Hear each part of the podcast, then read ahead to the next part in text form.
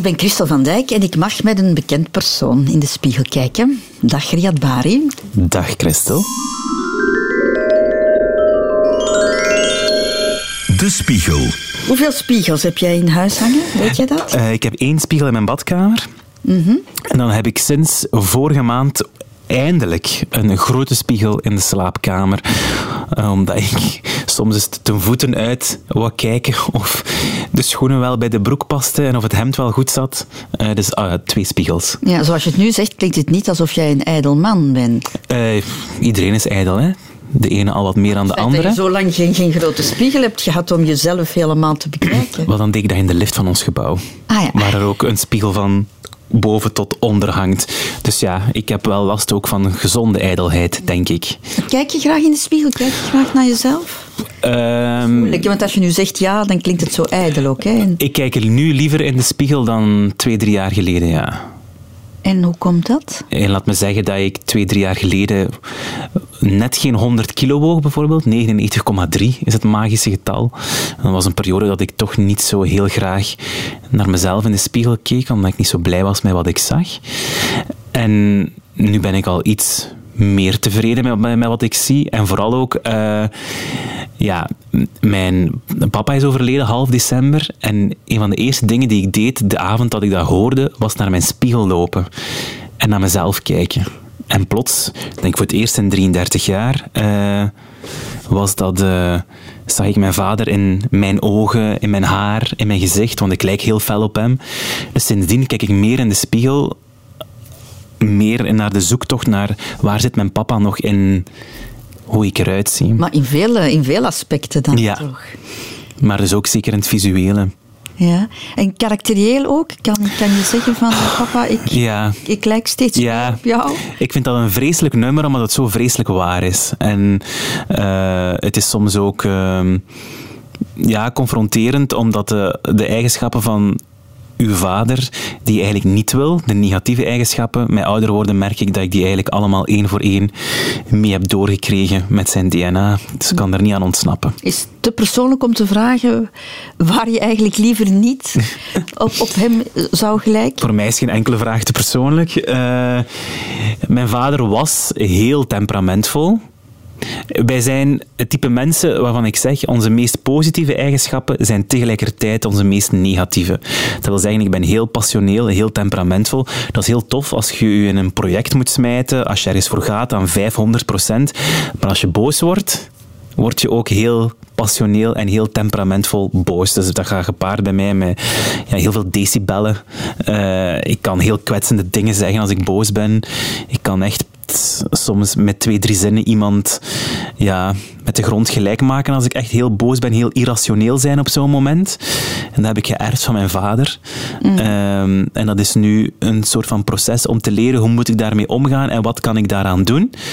Dus ja, dat zijn dingen die ik als kind niet leuk vond aan mijn papa en waarvan ik merk als ik nu 33 ben dat ik die eigenschappen mee heb geërfd. Mm. Maar jij probeert het wel te kanaliseren. Wat ja, omdat ik weet van hetzelfde ervaren toen dat het voor de omgeving niet zo prettig is. Uh, dus ja, wil ik daar zeker iets aan doen. En ik leer mezelf nu trucjes of ja, manieren om te leren omgaan met die, ja, met die papa, ik lijk steeds meer op jouw eigenschappen. Ja. Probeer je dat samen met een, een, een psycholoog of zo, om ja. dat te kanaliseren? Ja, ik ben vroeger al uh, regelmatig in therapie geweest. Ik heb ooit een depressie gehad. En toen mijn vader uh, overleden is, wist ik meteen, ik moet teruggaan. Om gewoon om te voorkomen dat dat verlies, wat dat uiteindelijk toch vrij plots was en vrij bruut en vrij chockerend voor mij, om daar toch mee te leren omgaan. En omdat ik wist dat er heel veel woede en boosheid in mij zat, omwille van de moeilijke relatie die wij hadden, dacht ik, ik moet daarvoor hulp gaan zoeken. Daar was lang zo wat taboe rond, of mensen schamen zich als ze hulp nodig hebben, maar ik ben er altijd stiekem heel trots op dat ik zeg, voilà, ik heb hulp nodig. Mm. Zie je ook iets van je moeder terug? Veel minder. Um, we hadden, ik, heb, uh, ik had drie zussen en ik heb een zus die overleden is, maar we waren met drie kinderen thuis, en met vier, dus drie zussen en ik. En uh, drie ervan zeiden we altijd, was papa. En één zus is mijn moeder, zowel fysiek als qua karakter. Maar ik en mijn twee andere zussen, wij waren in alle mogelijke opzichten ons vader. Mhm. Ik heb van mijn, van mijn moeder, qua karaktereigenschappen, maar ook in het fysieke, eigenlijk weinig tot niks meegekregen. Ik zal nooit een seconde twijfelen aan wie mijn vader was. Mm mijn moeder ook niet, want zij heeft mij gedragen. Maar ik bedoel, zou nooit, nooit, nooit ooit moeten twijfelen wie dan mijn vader was. Een dominante factor in het gezin dan? Ja, zeer dominante. Wat, persoonlijkheid als, als wat genen Ja, absoluut. Hij heeft, ze ferm verspreid, dus ja, ja. Zullen we samen in de spiegel kijken? Ja. Want ik heb de spiegel bij natuurlijk. Hè. Als jij er is, is wil je hem eens even vastpakken? kan je de man beschrijven die je ziet? Ehm, nee, maar als, als ik naar mezelf kijk, dan zie ik altijd... Uh, ik zeg mijn kapsel weerspiegelt ook altijd zeer goed wie ik ben. Dat is een beetje chaos. Een weelderige krullenbol. Staat nogal luidruchtig en passioneel in het leven.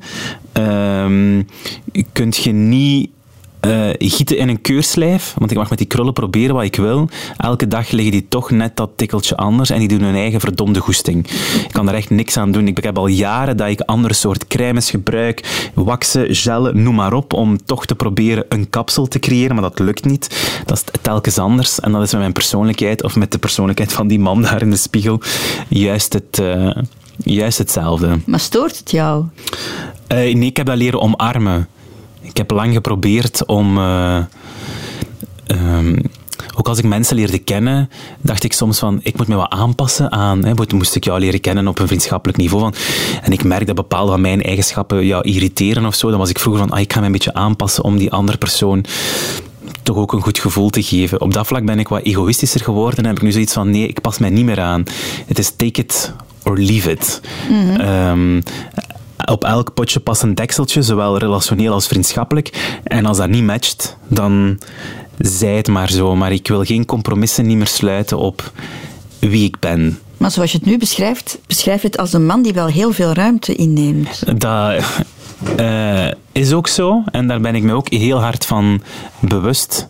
En dat is ook niet zo evident altijd.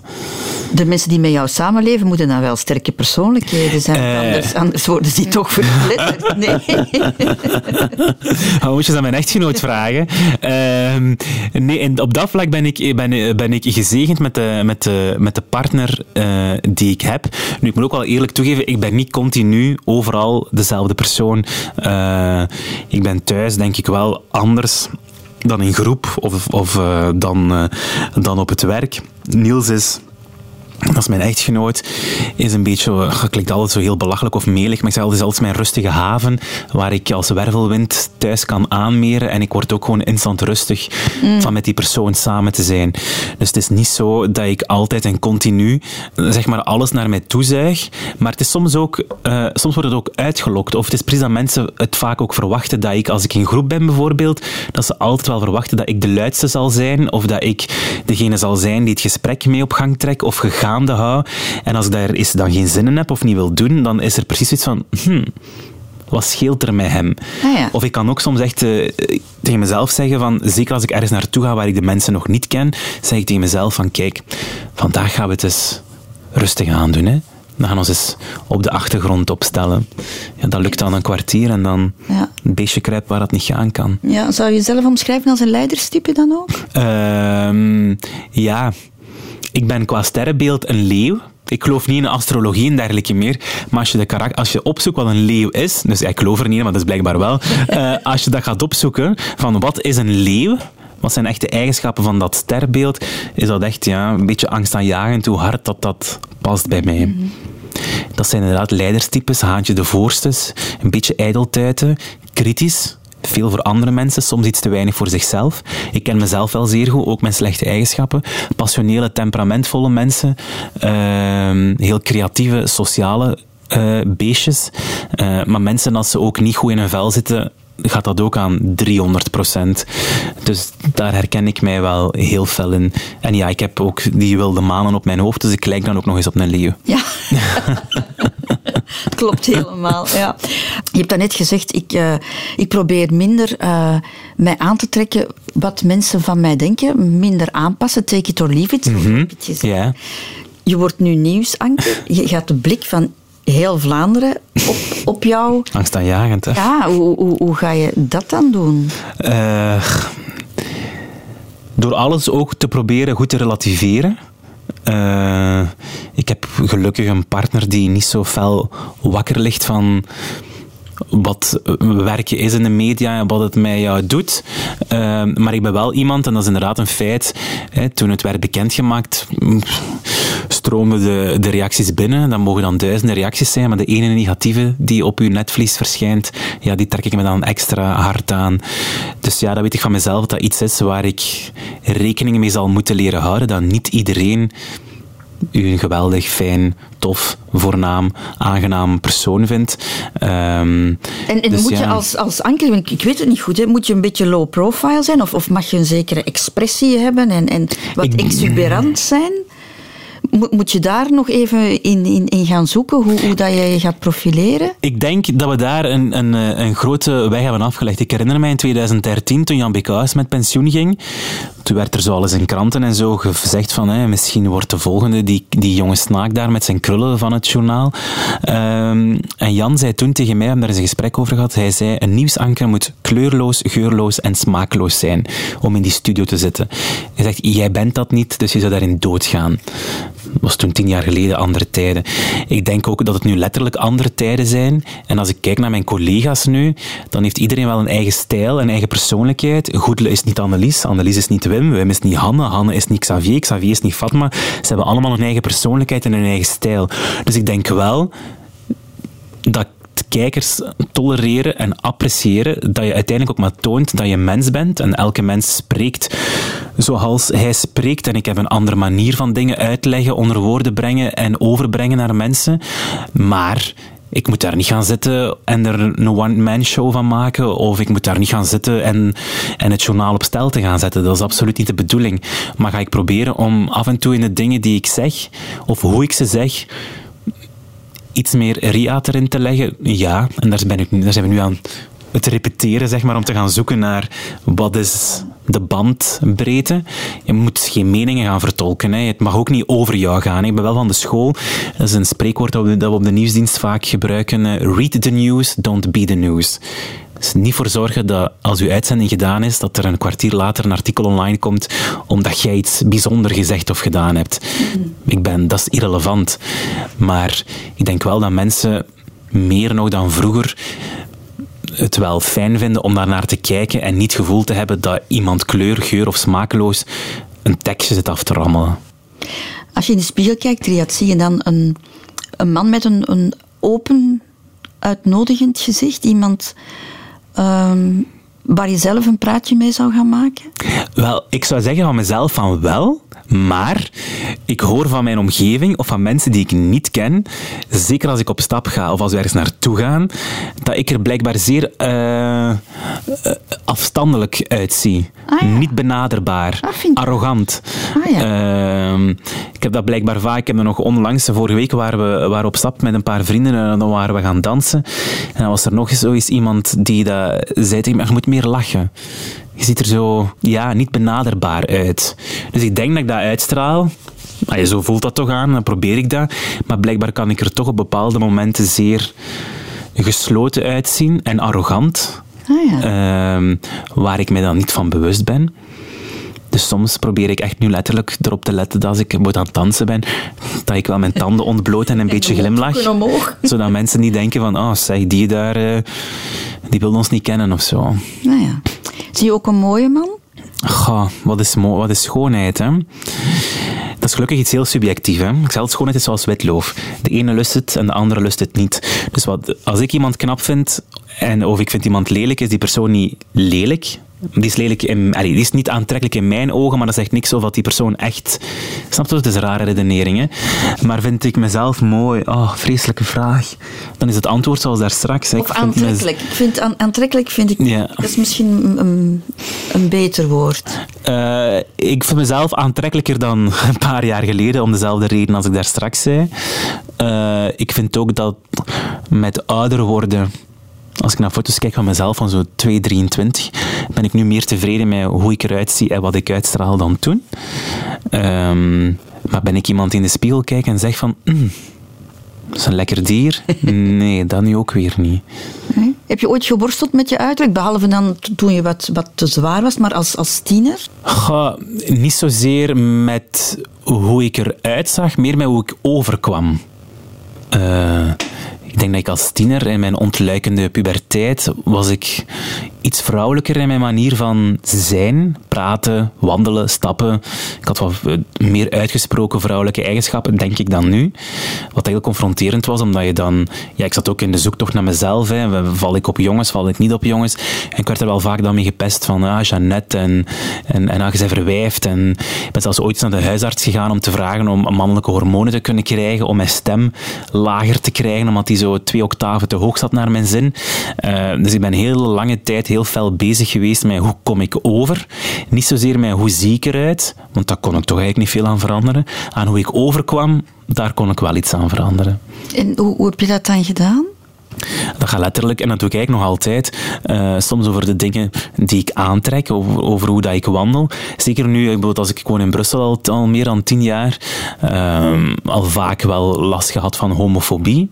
Mhm. En dus ja, in sommige buurten en op sommige tijdstippen ben ik me nog altijd bewust van het feit van, ah ja, het is juist, ik moet zien dat ik mannelijk genoeg overkom, zodat ik zeker geen scheldwoord uitlok of geen ja. pak slaag uitlok of zo. Dus dat is ja, een beetje absurd, maar dat zijn dingen waar ik mij wel heel hard van bewust ben. Ik zou vrouwelijkheid nu niet meteen op jou kleven. Ja. Jou niet vrouwelijk. Nee, maar het is wel als, als je om de twee maanden minstens één keer CLPD naar je hoofd krijgt op straat, dan vraagt je om een duur wel af van, maar waarom?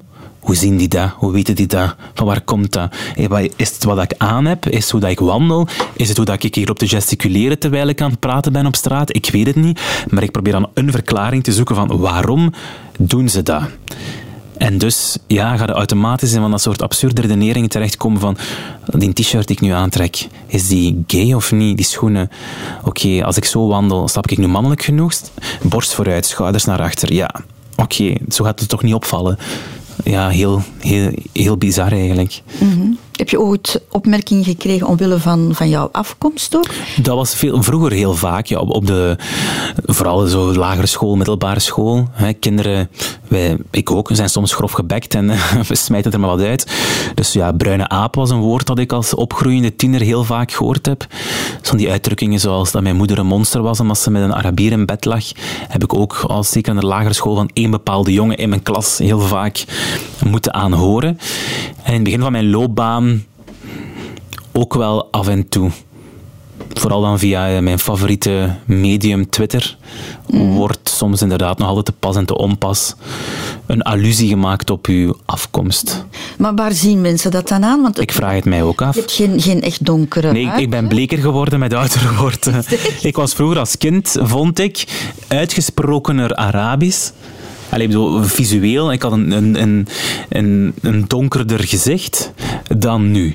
Ik denk dat zelfs redelijk, dat vaak mensen mij misschien soms eerder aan een Spaans, Italiaanse of zo kant zouden oriënteren dan echt Maghrebijns.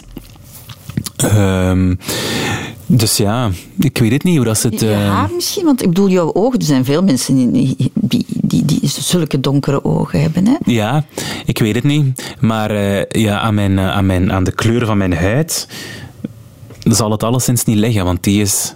Zeg ik, ja, absurd dat ik, er, dat ik daarover nadenk, maar die is al sinds bleek genoeg, wat ik zeg. Die is bleek, ja. Behalve in de zomer. Ja, ja? ja, ik ben instant als ik in de zon loop. Dat vind ik ook fijn als DNA. Uh, ben ik instant uh, wel een paar tinten donkerder. En dat is dan heel raar, want dan voel ik mij ook meer Arabier. Ja? Ja, dus ik zoek het ook altijd bewust op.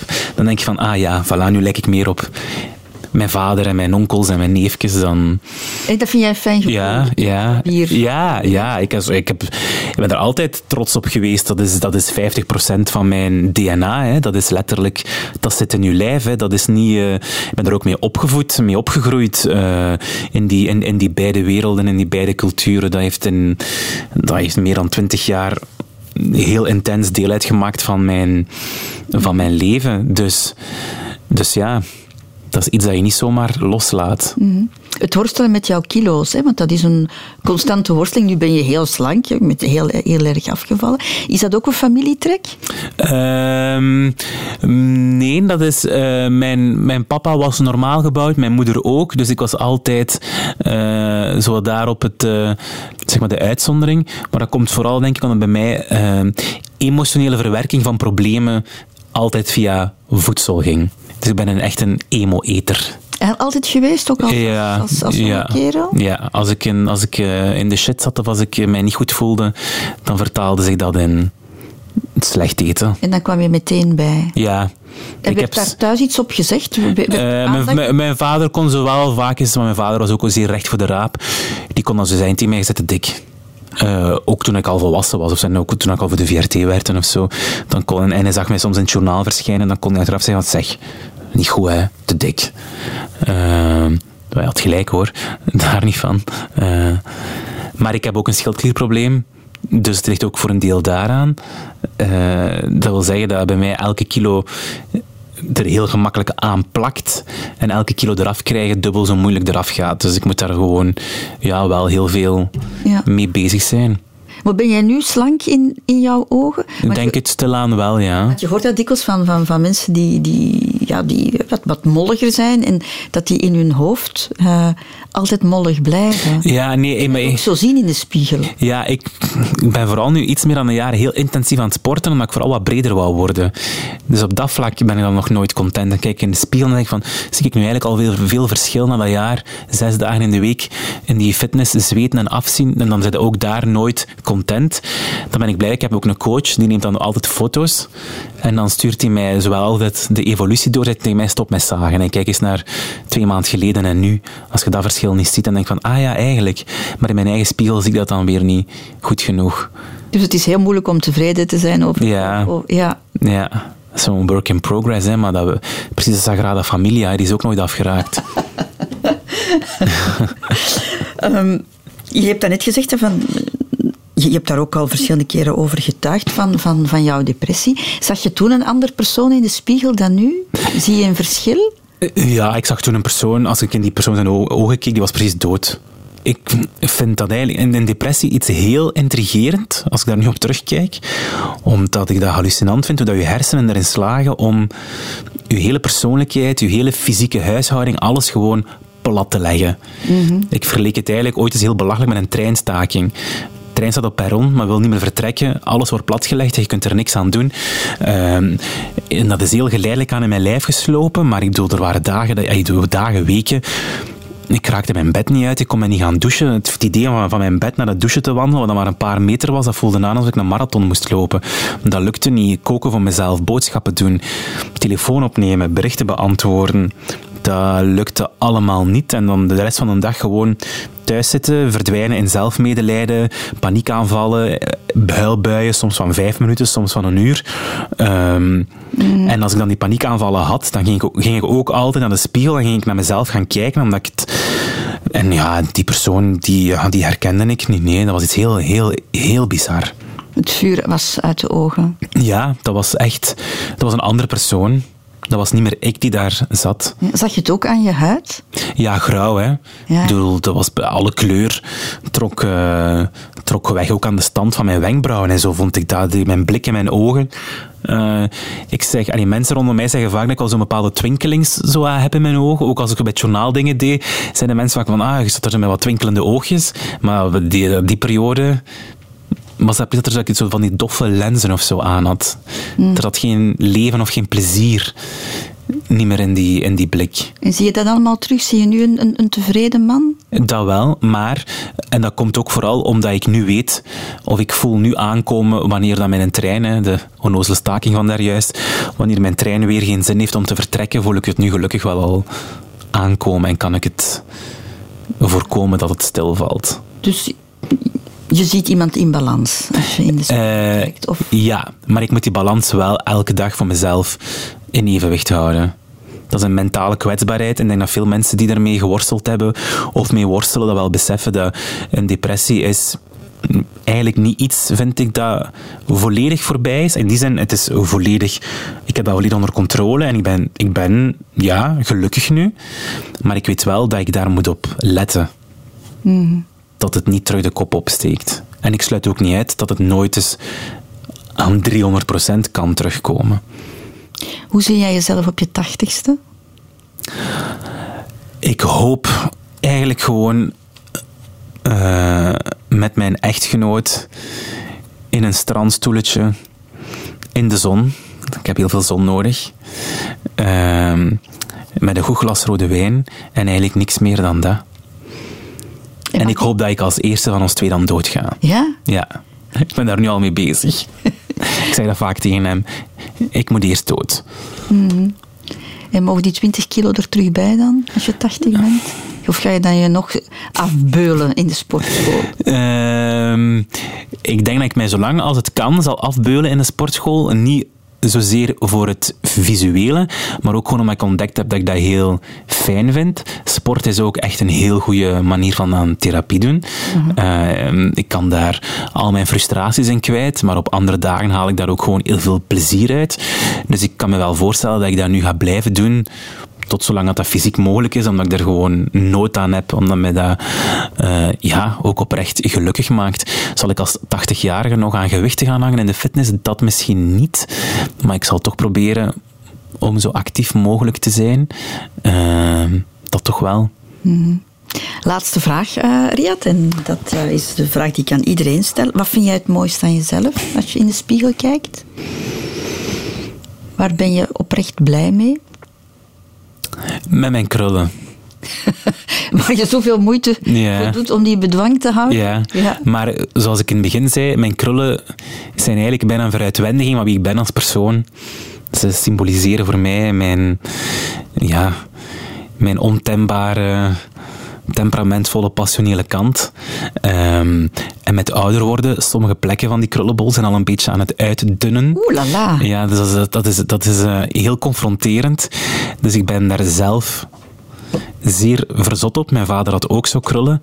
Uh, dus ik koester die. En ik denk, als, de meeste mensen, als je aan de meeste mensen zou vragen van wat typeert hem, visueel of fysiek, dat veel van mijn vrienden of, of mensen die mij kennen zullen zeggen, ah ja, zijn een krullenbol. Hè. En nog altijd goed zwart, hè? ik zie toch nog niks grijs? Er zijn hier en daar wat grijze haar, maar vind ik eigenlijk wel leuk. Ah, toch? Ja, ik kijk, ik kijk er eigenlijk ook al naar uit om zo, waarschijnlijk gaat dat nog hopelijk tien jaar duren, maar zo eerst wat peper en zout, zoals ze zeggen. En dan het, een beeld van een 50-jarige witte of grijze krullenbol. Zo. Dan ga je er ongelooflijk artistiek uitzien. Ja, moet misschien een andere job gaan zoeken tegen dan. Ga ik beginnen schilderen of zo. Riyad Bari, dankjewel. Dat is een heel fijn gesprek. Dankjewel. De Spiegel.